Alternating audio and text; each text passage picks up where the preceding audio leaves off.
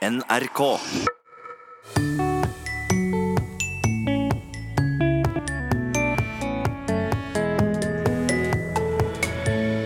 Sikkerhetisere og hollywoodisere, kan vi virkelig si det? Eller er det en grense for hva vi kan isere, spør lytter. Det syns jeg er et for å si det rett ut, sabla interessant spørsmål. Kan Ja. vi isere hva som helst? Eh, altså, jeg er nesten frista til å si ja. Og det vrimler av metaforer i språket. Tenk bare på ordet bordbein. Det er jo en metafor for bordhev, egentlig ikke bein. I politikken er metaforer et kjent retorisk grep som ikke alltid blir like vellykka. Vel møtt til Språkteigen. Kan vi isere hva som helst? lyder første lytterspørsmål i dag, og det er Rudi Kessel som spør. Riktignok har vi en del vante ord som globalisering og seksualisering, men nå har han hørt brukt både hollywoodisering og sikkerhetisering, og da stusser han litt mer og lurer på om dette er en ny trend i språket. Og er det i tilfelle en berikelse av språket, eller en utvekst? Tja, hva sier dere til det, Sylfest Lomheim og Toril Oppsal? Eh, Det syns jeg er et for å si det rett ut, sabla interessant spørsmål. Kan Ja. vi isere hva som helst? Eh, altså, jeg er nesten frista til å si ja. Eh, fordi dette isere-suffikset, det er veldig gammelt. Det er veldig utbredt. Det har vandra fra et gresk opphav via seinlatin til tysk, og så har vi fått det. Og det dette suffikset gjør, det gjør det mulig å danne verb med utgangspunkt i andre ord. Kanskje særlig i adjektiver og også substantiver. Vi, vi får rett og slett et verb. Og betydningen, den har to Altså det er to muligheter her. Hvis du iserer noe, så kan du rett og slett skape et verb som betyr å drive med noe. Botanisere, eksempel. Det betyr å samle planter. Mens, mens den eh, betydningen som nok er mer utbredt, det er den som går ut på å skape om noe til noe, ofte ganske bestemt. Og det aller mest eh, ja, irreversible eksempelet der er jo f.eks. å sterilisere. Ja. Eh, Og du har å sekularisere, som er å gjøre noe verdslig. Du, du omskaper rett og slett noe til noe ganske bestemt. Jeg leste nettopp en bok der hvor det sto om husmorisering. Apropos om man kan eh, isere hva som helst. Eh, Men her handla det faktisk om det å etablere husmor som yrkesgruppe i et historisk perspektiv. Og man kan isere veldig mye. Man kan kostnadseffektivisere, og så kan man eh, avsakramentalisere. eh, Og, og, og vi kan lage mange og lange ord. Og vi kan åpenbart i noen tilfeller sikkerhetisere. Men, men det skurrer lite grann, ja. denne her. Og, og jeg lurer på jeg, om dette her kan være fordi vi er aller mest vant til at det første leddet er et eh, adjektiv, noe som beskriver noe. Eh, Og vi er også vant til ved orddanning, når vi, når vi har et, eh, et suffiks, og så får vi enda ett, og så er det litt uklart hvilken betydning dette her er òg. Er dette å drive med sikkerhet, eller er det å omskape og gjøre noe sikkert? Hollywoodisering, hva, hva er det for noe? Er det å lage film, eller er det å få noe til å framstå som det har karakter av å være Hollywood? Jeg jeg er usikker på betydningen her, rett og slett. Men, men muligheten er der. Dette er en, en gammel, utbredt måte å danne verb på. Men det ser litt klønete ut, Ja, for å bruke et Ja. godt ja, norsk. ja, ja, ja, ja, ja jeg syns den, den, den ser klønete ut. Jeg, jeg, jeg, jeg, jeg måtte nå høre etter og si at det høres litt klønete ut også. Sikkerhetisering. Ja. Men vi Ja. klarer jo å si det. Eh, Jo, jo. Nei, men det er som du, Toril, inne på, så har jo dette vandra fra fransk og tysk og oppover til skandinaviske språk. Og mi holdning er jo at eh, det er hendig, men vi må ikke ta det i bruk eh, liksom eh, altfor mye. Fordi, som dine dømme, Toril, viser, så har det lett for å bli veldig vagt. Hva betyr det egentlig når vi driver og eh, altså hollywoodiserer? Men konklusjonen min vær nå litt måtehalden. Alt bør ikke iserast. Måteholdifisere, for eksempel, ja. kan, vi, kan, vi, kan, vi, be. Men, men, men, jeg lurer på om um, Rudi Kessel som spør her, ha, han har nok oppdaga noe. Altså det, det, er muligens en trend i den forstand at, at, dette skjer mer og mer. Dette er et produktivt eh, suffiks. Mm. Mm. Og kanskje av og til en utvekst, ikke bare en vekst. Ja, ikke sant. Kjetil Endresen har et spørsmål om smilefjes. Skal punktum være før eller etter smilefjeset, spør han. Ja, hvem skal ta dette, Toril? eh, skal jeg, jeg begynne, jeg. Og da er jo svaret, som ofte i språkspørsmål, at begge deler. Fordi at vi i stedet for smilefjes, så vil jeg da sette inn jeg smiler. Og da, hvis vi har ei setning, så kunne vi da sette komma, og så jeg smiler. Punktum. Da må altså punktum være etter smilefjeset. Men vi kan tenke oss at eh, ei setning, og så punktum, og så ny setning. Jeg smiler, og så punktum. Da må det altså være eh, punktum før smilefjeset. Mm. Valgfritt, altså? Ja. Så dette er ikke noe problem etter mitt språksyn. Men jeg er jo ikke spesialist på nymotens uh, smilefjes og blunkefjes og alt dette. Jeg tror ikke dette blir noe problem.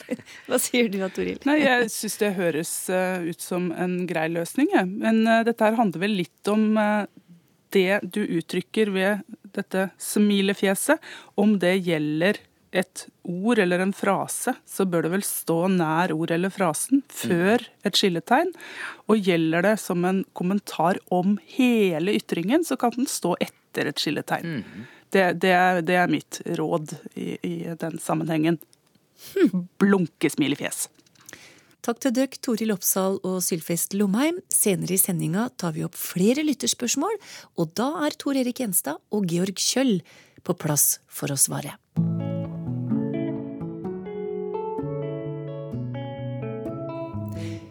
Tida går, sier vi. Men det gjør den jo ikke, for tida har ikke bein og kan ikke gå. Det er en metafor, og de er utbredt i hverdagsspråket vårt. De fungerer som en måte å bygge ny kunnskap og forståelse ut fra noe vi kjenner fra før. Metaforer er òg utbredt i politisk kommunikasjon og retorikk, og hvilken funksjon har de der? Jon Magnus Ragnhildsson Dahl, du er stipendiat i retorikk og medievitenskap og er med i retorikkgruppa ved Universitetet i Bergen. Og før vi ser på politisk kommunikasjon, kan du forklare hva er en metafor? Metafor er jo et sånn begrep som mange har en idé om høtta. Men hvis vi blir bedt om å definere det, så blir det litt verre. Ja. Eh, og ofte så forstår vi metafor som en form for sammenligning.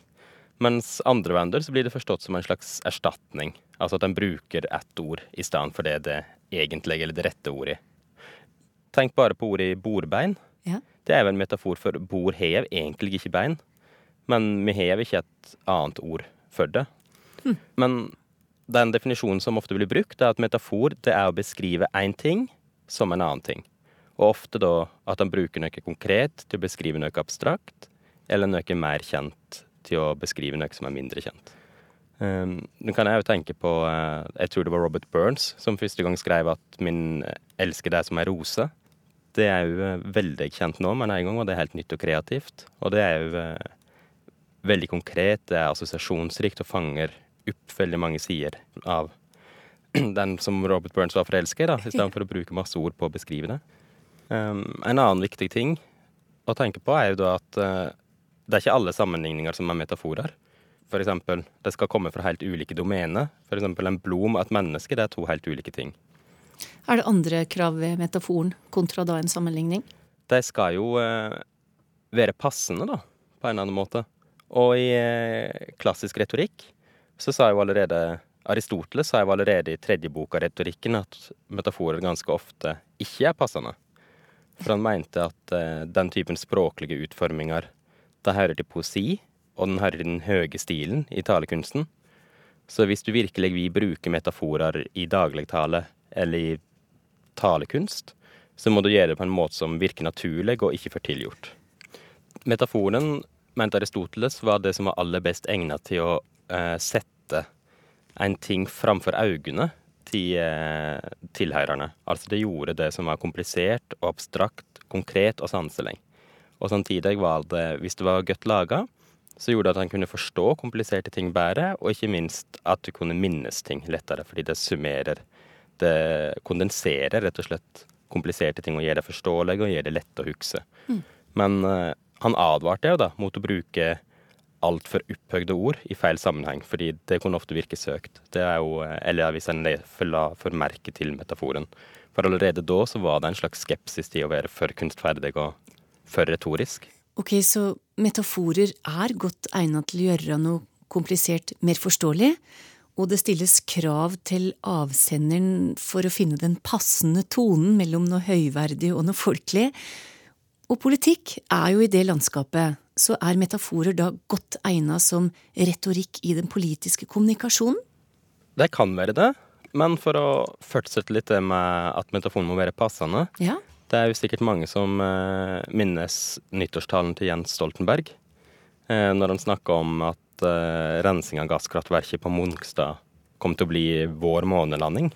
Da president Kennedy sa at amerikanerne skulle lande på månen innen ti år, hadde ikke amerikanerne vært ute i verdensrommet. De kom til månen innen ti år. De satte seg mål, og de nådde målene. Vår visjon er at vi innen syv år skal få på plass den teknologien som gjør det mulig å rense utslipp av klimagasser.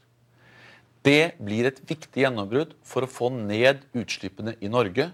Og når vi lykkes, tror jeg verden vil følge etter. Dette er et stort prosjekt for landet. Det er vår månelanding. Det var i nyttårstalen i 2007 at Jens Stoltenberg lanserte regjeringa si månelanding det var jo en metafor som ikke slo så veldig godt an. Hvorfor ikke det?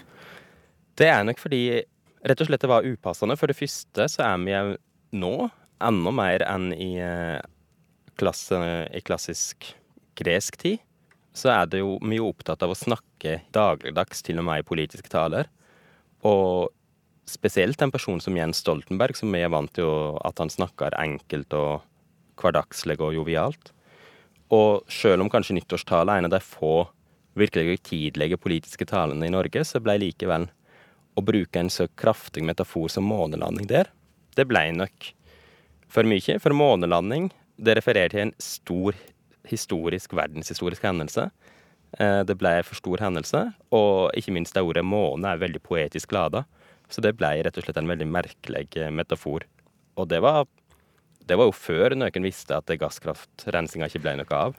Men um, hvis vi skal holde oss innafor politisk uh, kommunikasjon da, og, og, metaforer, hva slags funksjon har de der? Ja, som sagt så gir det en god metafor det abstrakte konkret. Og det gir det ukjente mer kjent. Men dessuten så kan en bruke metaforer til å gi et bestemt perspektiv på en sak. Mm. For metaforer Eh, der vekker det veldig mange assosiasjoner og veldig mange følelser hos oss. Nettopp fordi at eh, det bruker en kjent, konkret ting til å beskrive noe mer ukjent og komplisert. Og det er der den retoriske krafta til metaforen ligger. Men samtidig er det det som gjør den vanskelig å bruke òg. Fordi det skal jo en viss trening til å styre de assosiasjonene som publikum får av metaforen. Og det å styre assosiasjoner det er veldig sentralt i politisk retorikk. Men eh, det kan bli gjort på en riktig elegant måte.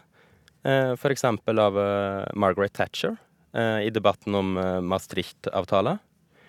For av EU-tilhengerne i Storbritannia så ble den avtalen ofte omtalt som et tog som var på vei til å forlate stasjonen uten at Storbritannia var om bord. Mm. Og det er jo en metafor som er veldig lett å forstå, og det er mange følelser knytta til den. ikke sant? Vi vil rekke toget, og vi må skynde oss, og det er viktig å komme om bord. Ja. Men Thatcher klarte å snu den for hun sa at dersom toget går feil vei, da er det jo bedre å ikke være om bord i det hele tatt.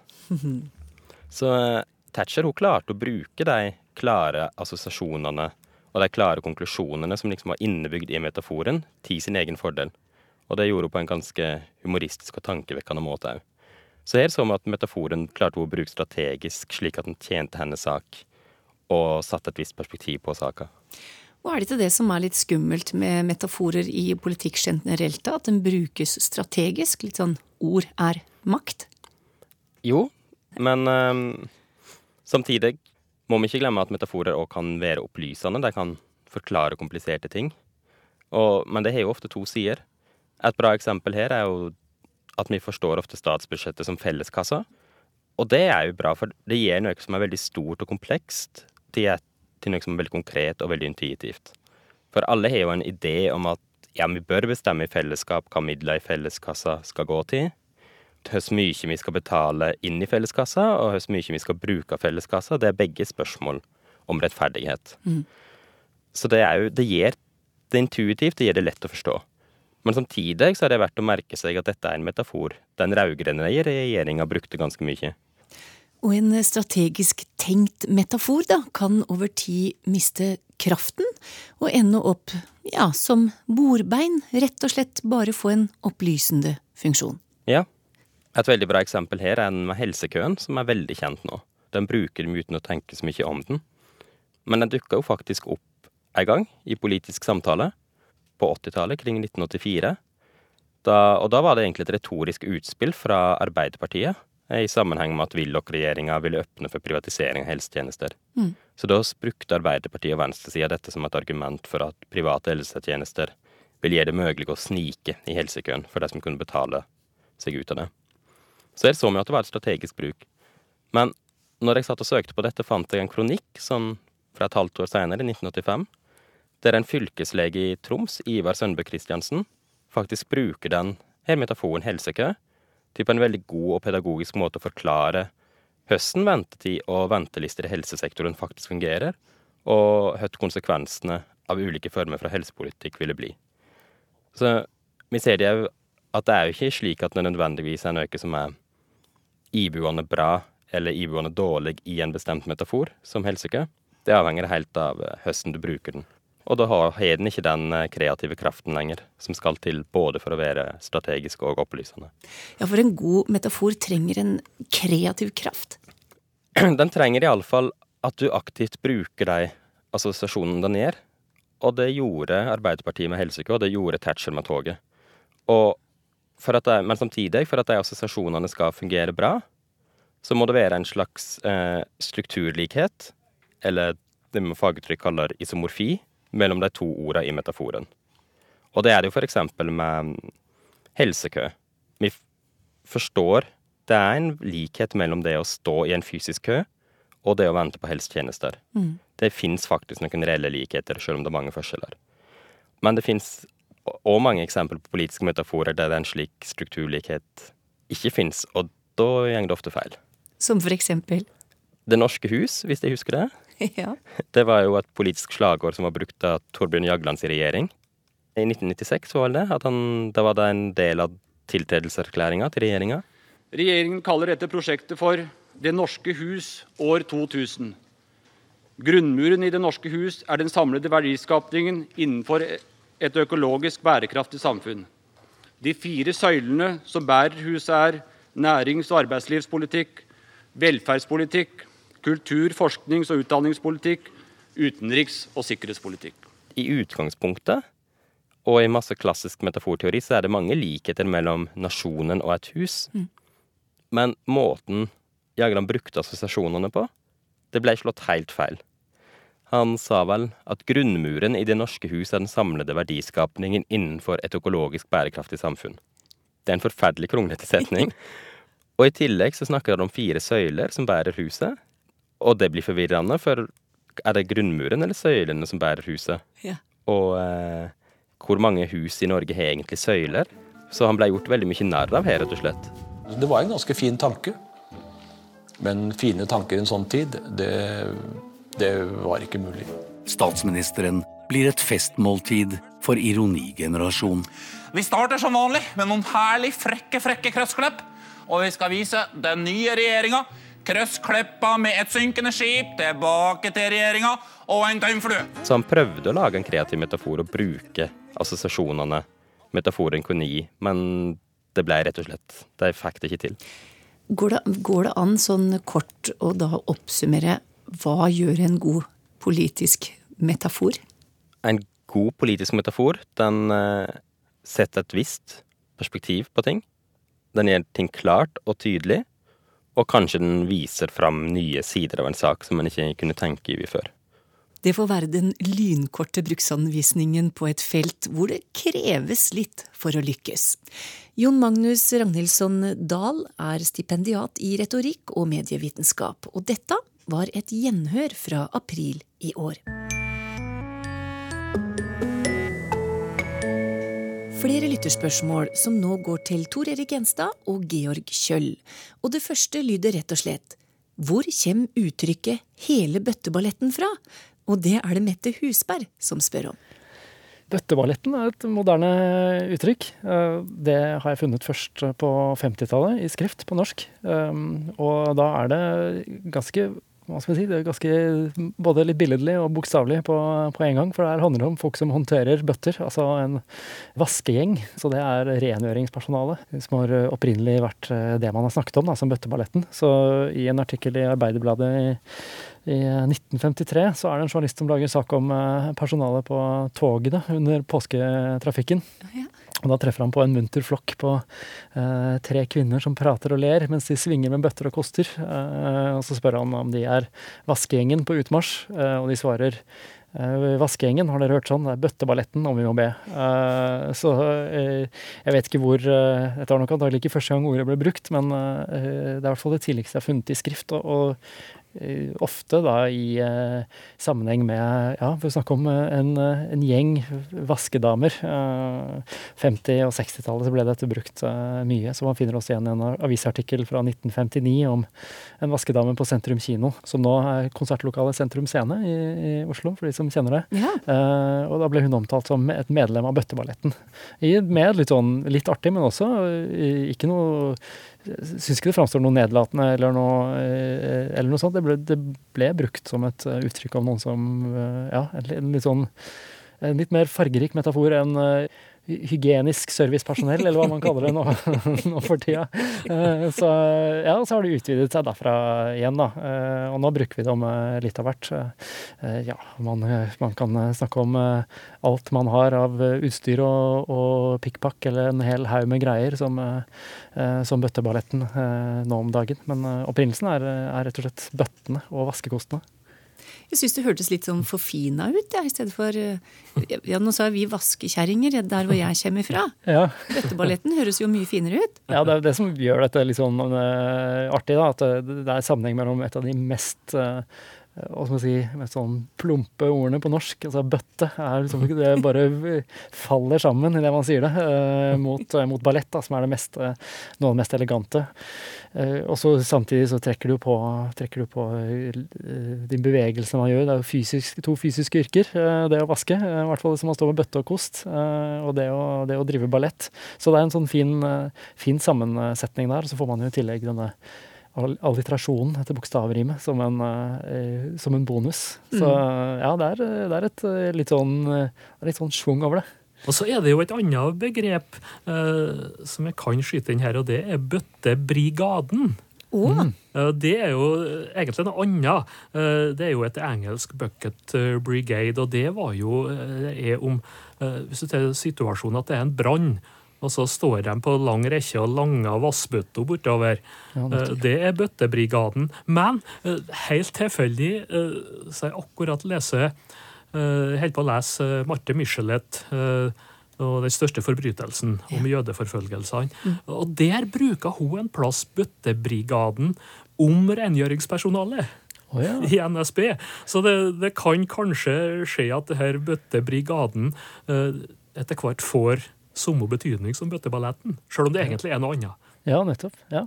Og bøtte er jo også et ganske produktivt ord i andre sammensetninger. Eh, vi har tidligere snakket om uh, ulike varianter av å være beruset. Uh, det er det jo veldig mange av. Så man snakker om at man er bøttefull ja, ja. På, på, norsk.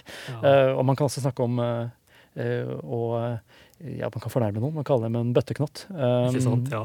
eh, I båt, i maritime eh, språket så har man en bøttepram, som er en litt sånn nedlatende, eh, nedlatende betegnelse på en liten, eh, liten jolle. Liten, eh, eller i hvert fall en liten båt av ulike slag. Ja. så, eh, så, så særlig når man får bokstavrimer på toppen, så, så, blir det en veldig sånn friskt og fint eh, uttrykk.